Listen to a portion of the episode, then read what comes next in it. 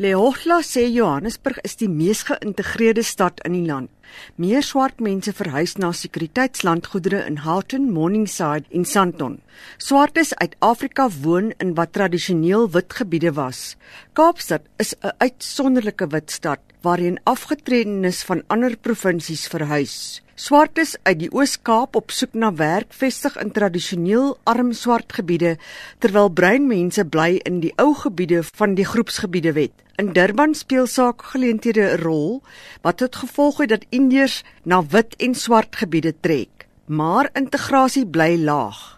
Thomas Stewart, wat stads- en streeksbeplanning by die Universiteit Vryheid doseer, sê 'n stad is 'n lewende organisme wat nie net verander kan word nie tensy drasties ingegryp word. Ons stede het baie bepaald 'n sterk afdruk van apartheid.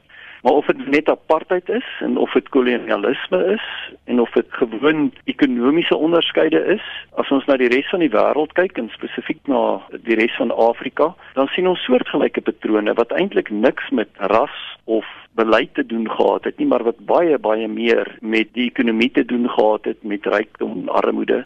Lahochla het gesê dat opleiding Suid-Afrikaanse stede meer kan integreer op rassegrondslag.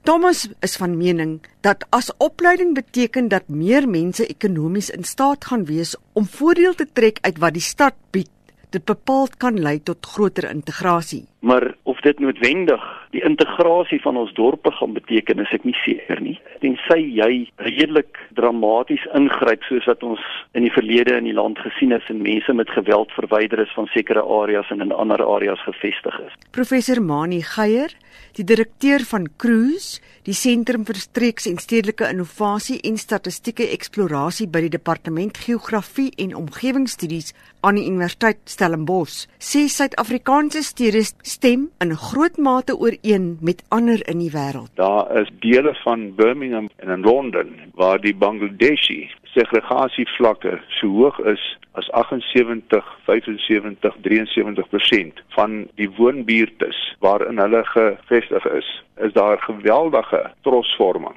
Geier sê voorheen benadeeldes het in Suid-Afrika na die hoër inkomste en laagste inkomste groepe se gebiede getrek. In die meeste dele van Afrika is die stede tot 'n groot mate gedomeineer deur bepaalde kultuurgroepe uh, en daar is nie soveel werklike integrasie nie. Maar in Suid-Afrika dink ek sal daar uh, baie meer integrasie plaasvind wanneer verskillende groepe inbeweeg.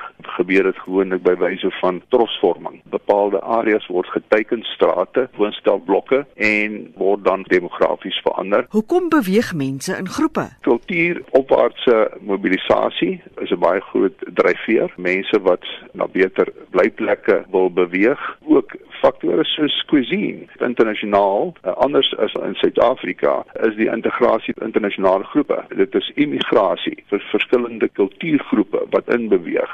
Swart groepe in Londen Bangladeshi in Londen Indiërs.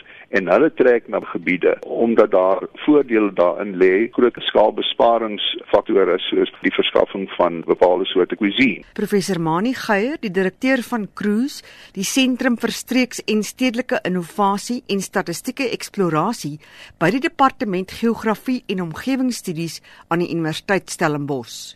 Mitsi van der Merwe, SABC nuus.